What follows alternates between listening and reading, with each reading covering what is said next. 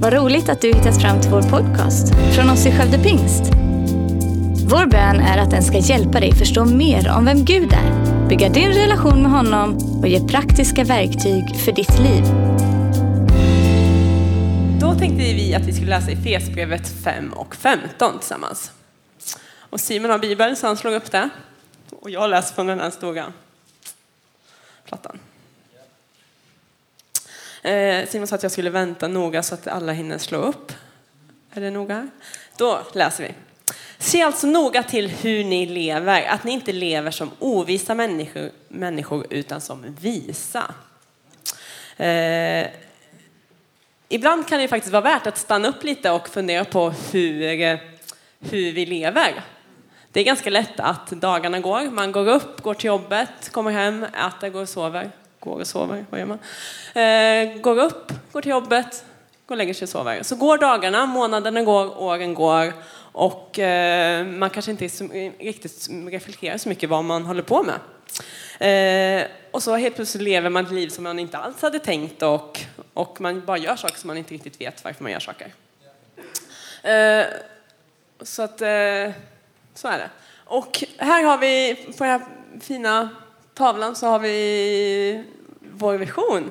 Och längst ner så står det en kyrka som existerar för att hjälpa människor fram till ett förvandlat liv i mötet med Jesus. Det är det som sammanfattar allting. Det är det som är liksom eh, eh kittet i det här. Eh, men hur når vi dit? Eh, en bra fråga. Eh, vad är det egentligen som gör att någonting växer, att någonting bär frukt? Jo, men det är ju att det eh, mår bra, att det är hälsosamt, eller hur? Eh, Simon kan ha liknelsen med, med ett äppelträd. Nu tänkte jag så här, äppelträd, det, det, det sköter sig själv. Men vi har rabarber hemma. När vi flyttade till huset tänkte jag så här, ja, det enda jag vill ha är rabarber. Det enda vi inte har nu det är rabarber. För att jag inser att de inte bara växer utan man måste ta hand om dem tydligen. Eh, man måste sköta dem, ge näring. Man beskär ju inte rabarber, man måste ändå göra någonting med dem. Eh, man måste eh, ha dem rätt. Ja, sådär. Man måste göra, sköta hand om dem. Som ett äppelträd som ska beskäras, som ska klippas, som ska ge näring och sånt där. Och då, sköter man det så får man ju rabarber. Gillar ni rabarber? Ja! Är det någon som har en gammal rabarberplanta till mig så vill jag jättegärna ha den för att jag har inga rabarber. Har ni vi, vi, har, vi har ju alltså, jag ska säga, vi har sex stycken plantor med rabarber, men problemet är ju att vi inte riktigt det var ingen solskenshistoria här att vi har tagit hand om dem, nu växer de tyvärr. Utan Nej, just det. Vi har tagit hand om dem. det var fel de poäng. Inte. Men eh, tar man hand om dem rätt naturligtvis så kommer de att växa. Det är det som är poängen. Ja. Absolut. Eh, utan mördarsniglar. Okej, okay. men som ett äpple. Sköter man det så kommer ju ett äppelträd bära frukt, eller hur? Ett äppelträd ger äpplen för att det är just så ett äppelträd fungerar. Eh, och, Eh, så istället för att liksom fokusera på frukten så vill vi nu fokusera på, på hälsan. Att, att eh, ta hand om det så att det ger frukt. För det som är hälsosamt, det växer, eller hur? Och om vi kan skapa en hälsosam miljö, eh, en hälsosam kultur så kommer människor att få möta Jesus. Liv kommer bli förvandlade och vi kommer att se kyrkan växa. Frukten kommer att komma. Och det behöver inte vara någonting som bara händer, att oj, nu växer det här. Ingen vet vad som händer, utan vi kan ju faktiskt forma, vi kan eh, liksom eh, skapa en kultur som gör att så det blir hälsosamt och att det växer. Mm? Och då blir poängen att se noga till hur ni lever. Att vi inte bara lever hur som helst utan att vi, vi faktiskt vi tänker hur vi lever. Och eh, de här veckorna så har vi pratat mycket utifrån Haggai bok och jag har predikat om det de två första söndagarna här. Och där i så finns det en väldigt tydlig utmaning av profeten Haggai. Att, eh, att de, det är någonting som gör att de, de har tappat bort hur de lever. De har börjat leva liksom utan, utan Gud i fokus, utan att eh, tänka på Guds hus. De har börjat prioritera någonting annat. Eh, och eh, utifrån det så kommer Hagga in och kom igen, kom tillbaka, hitta rätt igen, fokusera, bygg igen, gör det igen. och bygg rätt. Och det står så här då i, i Haggai kapitel 1 och från vers 5. Så står det så här, Haggai då profeterar och säger, så säger nu Herren Sebot, lägg märke till hur det går för er. Ni sår mycket men skördar lite. Ni äter men blir inte mätta. Ni dricker men blir inte glada. Ni klär er men blir inte varma. Den som får lön har hål i börsen. Så säger Herren Sebot, lägg märke till hur det går för er. Sen kommer uppmaningen här då, gå upp till bergen, hämta virke, bygg upp mitt hus så ska jag glädja mig över det och visa min härlighet, säger Herren. Ni väntar er mycket men se det blev lite. Och när ni förde hem det blåste jag bort det. Varför? Säger Herren Sebot, för att mitt hus ligger i ruiner medan ni alla har brott med era egna hus. Det fanns någonting av prioriteringar, det fanns någonting av fokus i deras liv som hade hamnat fel. Och när vi har pratat de första två söndagarna om att bygga igen, att ta upp liksom spaden på nytt. Vi har talat om att bygga ut, att våga tänka expansion. Så vill vi idag tala om att bygga rätt. Att bygga rätt på rätt sätt, med rätt attityd, med rätt prioriteringar.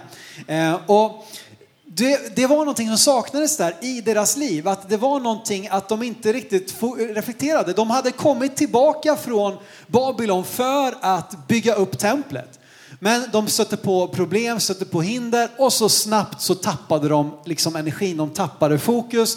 De började ägna sig åt annat, de började satsa på sitt eget. Men här så bara kommer en uppmaning om att hallå, hitta rätt igen, hitta rätt fokus, bygg på rätt sätt. Och så är det så härligt då att de tar faktiskt till sig det som profeten säger. Och i Haggai kapitel 2 lite längre fram, då, det är bara två kapitel, då står det från vers 19 att där det sker en förändring. Och då står det så här att lägg märke till det som sker från idag och framåt. Från den 24 dagen i nionde månaden, från dagen då grunden lades till Herrens tempel. Finns det någon säd kvar i kornboden? Varken vinstocken, fikonträdet, granatträdet eller olivträdet har burit någon frukten. Men från denna dag ska jag välsigna. Så det finns alltså en korrigeringsmöjlighet, det finns en möjlighet att ändra, det finns en möjlighet att hitta liksom rätt fokus igen och på det sättet komma in i den välsignelse som Gud vill ge. Och jag tror verkligen att det här är ett budskap till oss i den här tiden, att från denna dag ska Gud välsigna. Att vi, vi kalibrerar oss, vi fokuserar oss, vi skärper fokuset och hittar rätt i det som ligger framför. Men. Och vi vill bygga en, en kyrka som människor vill bli en del av. Och då är det så viktigt med vilken atmosfär som människor möter när de kommer hit. Eh, en adress, det kan ju liksom eh, hjälpa folk att hitta hit. Eller hur? Eh, en bra predikan, det kanske, kanske lockar några. Eller medryckande lovsång, det liksom attraherar några. Men det som gör att människor faktiskt väljer att vara kvar, det är ju atmosfären, vad de möter när de kommer hit om de får ett hej, om någon hälsar på dem, om någon ser dem. Eh, och det kan göra att de liksom startar en process med att faktiskt också få lära känna Jesus och få ett förvandlat liv. Eh, med... Ja. Och i den här visionsbeskrivningen du kanske är ny här och inte har hängt med på det, men det här är alltså ett sätt att försöka beskriva den kyrkan vi vill se och som vi vill forma tillsammans. Och i det andra stycket där så är det ett väldigt så tydligt liksom sätt att tala om hur vill vi vara som kyrka? Hur vill vi vara som team? Hur vill vi bete oss mot varandra och människor vi möter? Vi ska läsa den, den texten där och sen ska vi tala lite mer om den en efter en, liksom punkt efter punkt. Det står så här, en kyrka som hålls samman av äkta relationer och en gemensam överlåtelse till ett syfte som är större än våra egna liv. Som inte främst förknippas med en byggnad utan människor som är fyllda av den helige ande och sprider en atmosfär av kärlek, glädje och frid. Ett stort team av Jesusföljare som lever i bön och lovsång och bär en smittande tro att för Gud är allting möjligt. Det är det teamet vi vill se växa fram. Det är den huret vi vill att det ska vara här i kyrkan. Texten börjar med en kyrka eh, en, som hålls samman av äkta relationer. Yeah. och det finns inget starkare band än äkta relationer. Mm. Människor som vi har närmast eh, är ju människor som vi faktiskt vill hålla kvar i våra liv. Yeah. Men likväl så finns det ju faktiskt ingenting alltså, som eh, gör att vi vill hålla oss från varandra än dåliga relationer, eller vad man ska säga. Eh, om vi till exempel har blivit sårade av någon så, så, så umgås man kanske inte med den personen. så. Men Därför är det viktigt att bygga goda relationer. Så att vi också kan hålla över tid. Eh, och det gör ju också att vi kan vara tillsammans även fast vi inte tycker lika, vi inte har samma intressen. För det är inte det som handlar om att här, bygga goda relationer utan det är att, att man tycker om varandra. Eh, jag vet inte hur många av er föräldrar har varit på sån här uh, klassfotboll? Är det några eller? Ja. Tycker ni om det eller? Vet ni alla Eller heter klassfotboll eller? Ja, det är typ, det var en som hade varit på klassfotboll. Nej, men, och det var Irene Bister, det är bra. Nej, men, eh, jag tänker så här att det är väl inte jättekul eller? Nej, nej, det är så här, I ösregn, det blåser, så ska man stå en hel dag och bara kolla på massa fotboll. Det är något så här, ja, det ser inte jag fram emot. Men Lite tänk... kul verkar det ändå. Men... Ja, Simon då. Men ja. skulle tycka det var kul att så här, gå på blåsorkesterövningar? Jag har faktiskt här... spelat i juniororkestern eh, i Jo, saxofon, allt saxofon. Så att, ja. eh, men jag vet inte om du, jag vet inte om du skulle komma och lyssna på oss. Det, vet jag det låter falskt och det liksom Nej, bara tjuter. Okay. Ja. Men men poängen är väl att man gör det ju. Jag, skulle, jag kommer säkert älska det när Elton springer runt och sparkar fotboll och bara heja, heja, heja. Men för man, gör, man tycker ju om det för att man tycker om de som spelar. Man tycker ju om att göra någonting för sitt barn då, eller så. så. Tror jag, eller? jag hoppas det. Nej, men så här. Man gör ju saker för att man tycker om varandra. Nu tog det bort sig. Eller hur? Och tycker vi om varandra vill vi också ta en del av det som är viktigt för den andra personen. Och för att skapa äkta relationer så tror vi att det är så viktigt att vi bryr oss om varandra. Eh, att vi faktiskt frågar hur har vi det? Hur, hur mår du? Hur har du hemma? Hur, hur är det med dig? Och att, det, att vi pratar med varandra även när det är jobbigt, även när inte allting är enkelt. För så är det ju. Det är inte så att eh, vi alla aldrig har någonting som är jobbigt, utan Faktum är faktiskt att de flesta av oss eh, brottas med någonting. Och då att vi kan prata om det. Eh, och att vi också spenderar tid tillsammans. Och det här är inte någonting som vi kan göra med alla. I liksom, eh, alla vi här ska berätta allting för varandra och prata med varandra. Men att man hittar några stycken, och det kan ju vara hemgrupper att man hittar några stycken som man kan dela livet med, där man får bygga äkta relationer. Eller i sitt team som man har, att de personerna, de spenderar tid med, de eh, berättar jag hur jag mår. Och eh, det fortsätter den här meningen med att vi bygger på äkta relationer och en gemensam överlåtelse till något som är större än våra egna liv.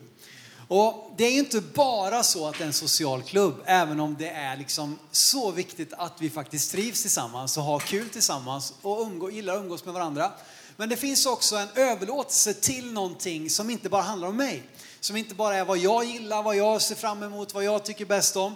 Utan faktiskt att vi har liksom gett oss hän, liksom vi, vi committar, vi överlåter oss till någonting som är större än våra egna liv koppla upp oss. Vi har talat mycket om att vi lever för Jesu enda sak. Alltså att det, det, det är liksom ett liv för oss. Så vi tror inte på att, att våran tro på Gud och gemenskapen med kyrkan är liksom en av många saker i våra liv, utan att det är faktiskt någonting som, som, som hela våra liv ska kretsa runt, våran relation med Gud och våran eh, eh liksom, eh, tro på honom. Och grejen är att det är något som är värt att överlåta sig till. Att få vara en del av Guds församling, att få vara en del av det som han bygger. Det är värt att ge sitt liv för. Det är värt att, att planera sin, sin kalender efter. Eh, därför att det är så stort, det är så mäktigt att vi får vara en liten del av Guds stora plan med hela den här världen, hela den här mänskligheten. Och det jag är överlåten till, det behöver jag inte förhandla om varje vecka. Eh, alltså det jag har eh, committat mig till, alltså, jag har ju överlåtit mig, inte minst, eller framförallt ska man väl säga, till Caroline, att vi har gift oss med varandra. Och tack och lov för den överlåtelsen. För hade inte den funnits så hade det funnits många gånger där vi säkert hade låtit liksom, ja, man blir arg på varandra, man stör sig på varandra. Det är ingen man stör sig på så mycket som de man har närmast kanske. Eh, ingen heller man älskar så mycket. Nej men det är så. Men att bara, hallå, jag har överlåtit mig till, jag behöver inte förhandla, jag behöver inte fundera på om jag ska hålla fast vid Caroline, för det har jag överlåtit mig till. Jag tror det är så viktigt också med kyrkan och med min tro på Gud, att det blir någonting jag överlåter mig till. Det är inte något, ja vi får se, vi får se nästa vecka, vi får se vad det är för värde, vi får se liksom om, om, ja, om, om det känns rätt. Utan hej, jag har överlåtit mig till det här. Eh, då vet jag att jag vill vara med, jag vet att jag vill komma eh, och så. Och så länge vi inte överlåter oss så blir det en ständig förhandling. Och det är ganska jobbigt att hela tiden ligga i förhandling. Att eh, det liksom är en fight. Eh, det är, ingen, det är ingen säkrad deal utan det är alltid öppet för förhandling. Eh, och jag tycker det är ganska slitigt. Jag kommer ihåg så tydligt att någon gång under tonåren så, så skedde det ett skifte i mitt liv. Att jag gick ifrån att varje gång fundera på, ja, och nästan varje gång jag skulle till kyrkan så var det några timmar innan där i kroppen så bara kändes det som att, mm, ska jag göra det här? Nja, det, åh, nej, jag vet inte, det kanske inte är någon där som, som jag känner idag. Det kanske inte är någon. Eh, det var så under ett par års tid. Sen varje gång jag väl kom dit så var det bara, åh vad härligt, vad kul. Och man, man kände att det här är bra för mig. Men sen hände det någonting där jag bara liksom överlät mig. Nu är, det är ingen förhandling längre. Nu är det en done deal. Det är, liksom, det är handsag, handslag, klapp, famn, vad säger man? Nej, det var någon annan grej. Famntag, klapp, hand eller ja, strunt samma. Det är ett handslag. Vi har bestämt oss för det här. Och det ska jag bara uppmuntra dig till att, att hallå, överlåt dig. Låt det vara en säkrad deal. Jag är en del av Guds församling. Jag är med och firar gudstjänst. Jag är med och ger. Jag är med och ber för, för den här församlingen. Jag är med och talar gott om den. Det är någonting jag överlåtit mig till. Eh, och att det inte bara blir då som, som någonting annat. Liksom ser jag på kyrkan som skolan, att ja, men okej, det är bra för mig, men jag är egentligen där för att någon annan tvingar mig att vara där. Eller ser jag det som mitt, mitt jobb, att ja, men hit måste jag gå för att annars får jag inte lön. Eller så fort jag kan, då vill jag åka någon annanstans. Eller ser det som min idrottsklubb, att så länge det är kul så är jag med.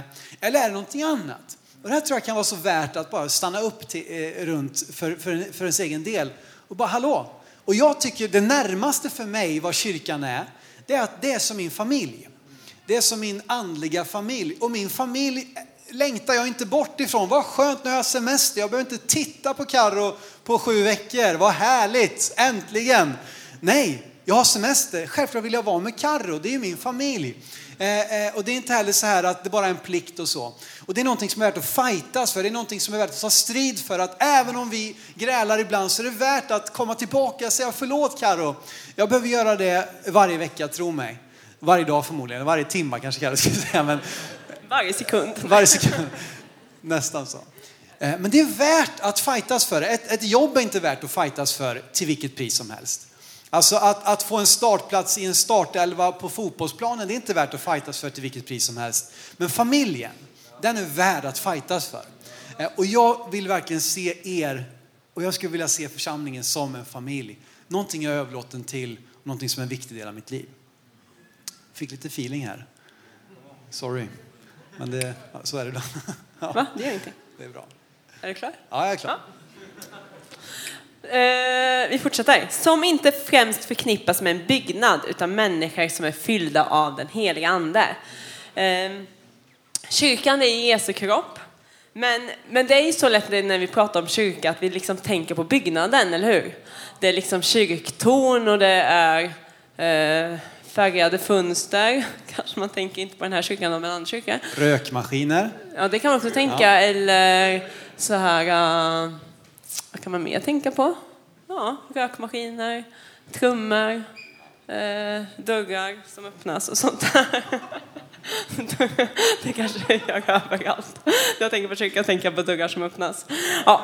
Men det är ju bara en kyrka för att det är vi där. Att det är människor som du och jag där som tror på Jesus. Det är därför det här är en kyrka. Kyrkan är du och jag. Och självklart är ju en byggnad en jättevälsignelse. Det är precis som det är med ett hus eller en lägenhet för en familj. Alltså, om inte vi skulle ha en, eh, något, att, något att bo, någonstans att bo så skulle det vara väldigt mycket jobbigare. Eh, så vi är jätteglada att vi har någonstans att mötas för att annars skulle det vara svårt för så här många att eh, liksom, vart skulle vi då eh, vara nu? Ja, det blir svårt. Ja, det blir så svårt. Men det får ju aldrig bara handla om liksom, byggnad, ekonomi, liksom, mm. det här sakerna. Utan det måste handla om människor. Yeah. dig och mig, vi som är fyllda av den heliga Ande. Och det är det som gör skillnaden, att vi har den heliga Ande. Vi är inte bara vilken social klubb som helst, vi är inte bara ett så här bridge-gäng. Tack och lov. Har ni spelat bridge någon gång? Jag vet inte ens vad det är. Det är något det. kortspel? Jag vet inte. Är det någon som har spelat bridge här? Ja, det är någon där. Ja. Jag vet du, att får, E- du får visa sen här hur det Ja. funkar. Ja. Jag vet att Eriks pappa spelar bridge. Okej. Ja, Ja, kul. Okej. Bara så ni vet. Ja. Ja. Utan vi har ju någonting som sticker ut. Vi har ju den heliga Ande. Och det är Ja. det som är skillnaden. Absolut. Och just det faktum att vi är människor fyllda av den helige Ande gör också att den här atmosfären, vad är det vi sprider omkring oss? Jo, vi sprider en atmosfär av kärlek, glädje och frid. Och det är så viktigt att komma tillbaka till det. Vad är det jag sprider omkring mig? Vad är det människor möter när de möter mig? Vad är det de, vad är det de känner när de närmar sig kyrkbyggnaden? Vad är det de upplever när jag kommer till jobbet på morgonen? Vad är det, vad är det som liksom andas? Vad är det som, vad är det som luktar omkring mig? Så att säga. Och, och, och i positiv bemärkelse då. Eh, och så många människor som kommer, som söker Gud, som inte har en tro på honom, de kommer att titta på dig och mig som säger att vi tillhör Jesus innan de bestämmer sig för att, om de kommer tro på Jesus eller inte. Så att innan de tror på Jesus så kommer de tro på dig eller inte tro på dig. Alltså om ditt liv. Du som säger att du är kristen, vad är det de ser i dig? Vad är det de möter i dig? Eh, och att det, då, att det då får vara kärlek, glädje och frid som ger starten på andens frukter och som sammanfattar liksom andens karaktärsdrag. Sådan är Gud. Han ger kärlek, glädje, frid och mycket annat också. Men det är det som vi vill liksom ska vara det som kännetecknar oss Eh, och som, som vi kan kalibrera oss själva mot hela tiden. Vad är det nu jag förmedlar? Vad är det nu jag delar med mig av? Vad är det nu som människor känner när de möter mig? Eh, och eh, det ska vara kännetecknande för oss. En atmosfär av kärlek, glädje och frid. Eh, och det behöver vi komma tillbaka till hela tiden. Och jag behöver påminna mig om det. Kom igen nu Simon, nu är det någonting annat som, som delar med sig. Det betyder inte att vi bara ska liksom sitta och nicka och tycka allt är bra hela tiden. Men även när vi bär fram kritik, även när vi tar i saker som är svåra, när vi tar i saker som är jobbiga, kan vi fortfarande sprida frid omkring oss. Även om vi tar något som är jobbigt. Eh, genom att vi kommer dit med, med ödmjukhet, med mildhet och liksom kan tala in i människors liv. Men vi vill sprida den atmosfären av kärlek, glädje och frid i allt som sker här i kyrkan. Eh, vi läser vidare. Då står det så här. Eh, Ett stort team av Jesusföljare som lever i bön och lovsång. Alltså jag försöker läsa här men jag hittar det ju aldrig så att jag läser här. Ett stort team av Jesusföljare som lever i bön och lovsång. Kraften i enhet, den är enorm. När vi tillsammans gör någonting så, så är kraften så mycket större än om jag själv skulle göra någonting. Eh, Så är det ju att man är starkare tillsammans. Och därför så talar vi så mycket om team. Inte bara alla de här äh, enskilda teamen utan vi ser att vi är ett stort team tillsammans. Eh, där vi drar åt samma håll. Och därför så samlas vi alltid innan mötet och alla innan samlingar så ber vi tillsammans i alla teamen. Inte bara äh, alla på var sina platser utan vi ser att vi är ett team tillsammans. Eh, Men för att det ska funka så behövs ju alla de små teamen, alla små funktioner, alla olika funktioner. Och där är ju vi alla så oerhört viktiga, eller hur? Vi alla behövs. Du behövs i din funktion och i ditt team. Eh, och då är ingenting som är för stort eller för litet för, för, för något annat, utan vi, det är olika men alla behövs. Eh, och då vill vi att allt det vi gör, då vill vi att bön och lovsång ska prägla det vi gör. Eh, att det får vara en naturlig del i varje samling, varje möte, eh, alla, alla liksom samtal som vi har. Eh, att det blir en livsstil, att vi eh, att det blir en livsstil för oss, att, att det ska vara naturligt för oss att, att be tillsammans, att lovsjunga tillsammans. Och det tycker jag att vi kan påminna varandra, alltså hjälpa varandra. Att när vi träffas, även om det inte är liksom ett uppstyrt möte, att vi tillsammans kan påminna varandra att så här, ja, men nu ber vi tillsammans, eller nu, nu tar vi tid för Gud. Och det behöver inte handla om att nu ska vi liksom ha en lovsångsstund här för 30 minuter varje gång, utan det kan handla om bara några minuter att be tillsammans. Exakt, och det slutar här också den sista meningen att det här är ett stort Jesus-team som bär en smittande tro att för Gud är allting möjligt. För Gud är allting möjligt. För Gud är allting möjligt. I syvende och sist så handlar det inte om vad vi kan göra eller inte. Vi ska göra det vi kan. Vi ska inte liksom bara säga, nej men Gud, du får göra allt. Gud, han gör det han kan, men vi kan göra det vi kan. Men det handlar om honom. Vad Gud kan göra, att han får vara i centrum, att han får vara i kärnan av allting, av varje samtal. Så låt oss inte, liksom det första vi gör är att kolla vad har vi på kontot. Det första vi gör är att kolla vad, vad, men vad, vad har vi för människor. Det första vi gör är att kolla på, jo men, ja, men jag, jag tror inte att Caroline kan fixa det, jag tror inte Ellen kan göra det, jag tror inte att, nej det kommer inte gå. Utan hela tiden bara lyfta blicken mot Gud. Gud, för Gud är det möjligt. För Gud är det möjligt. Han har all makt i himmel och på jord. Han är, han är större än vad vi någonsin kan tänka eller förstå. Han har mer makt än, än vad, vi, vad vi kan greppa. Eh, och det här är någonting hela tiden att bara stretcha sitt eget sinne i att Gud du, du kan mer. Gud, du är större än mina omständigheter. Och jag älskar det, någon som har sagt det, säg inte till Gud eh, att du har så stora problem. Utan säg till dina problem att du har en stor Gud.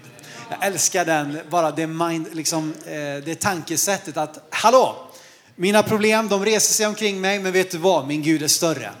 Istället för att alltid komma till Gud, Gud det här, nej, det här kommer inte gå, det här kommer inte gå, det här kommer inte gå, det här kommer inte gå. Nej, kanske inte om det bara handlar om dig och mig, det handlar inte bara om dig och mig, utan det handlar om Gud. Varför inte? Varför skulle inte den här kyrkan som vi har målat här kunna vara vår kyrka?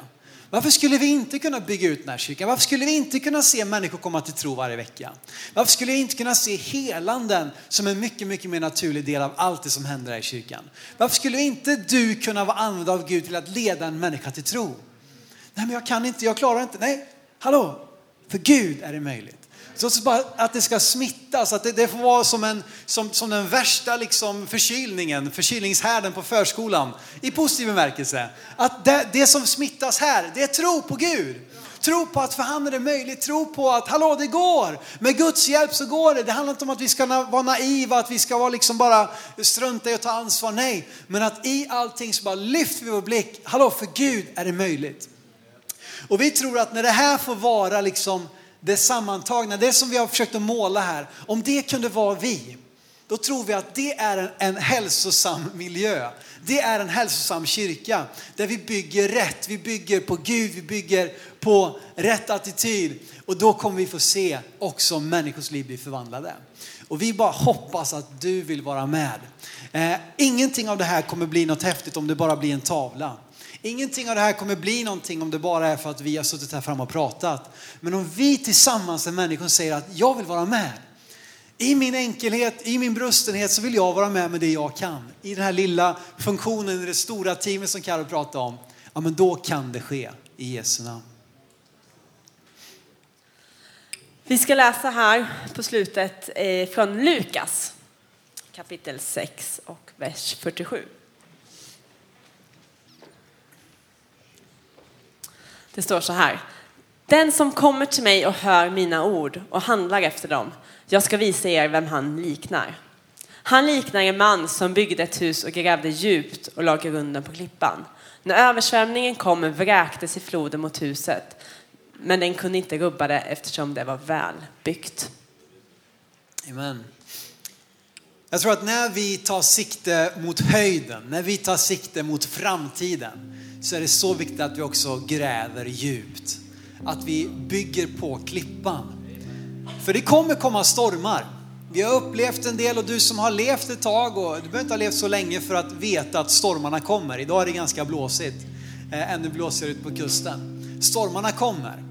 Eh, och ju högre vi vill bygga, ju längre vi vill nå, desto djupare måste vi gräva.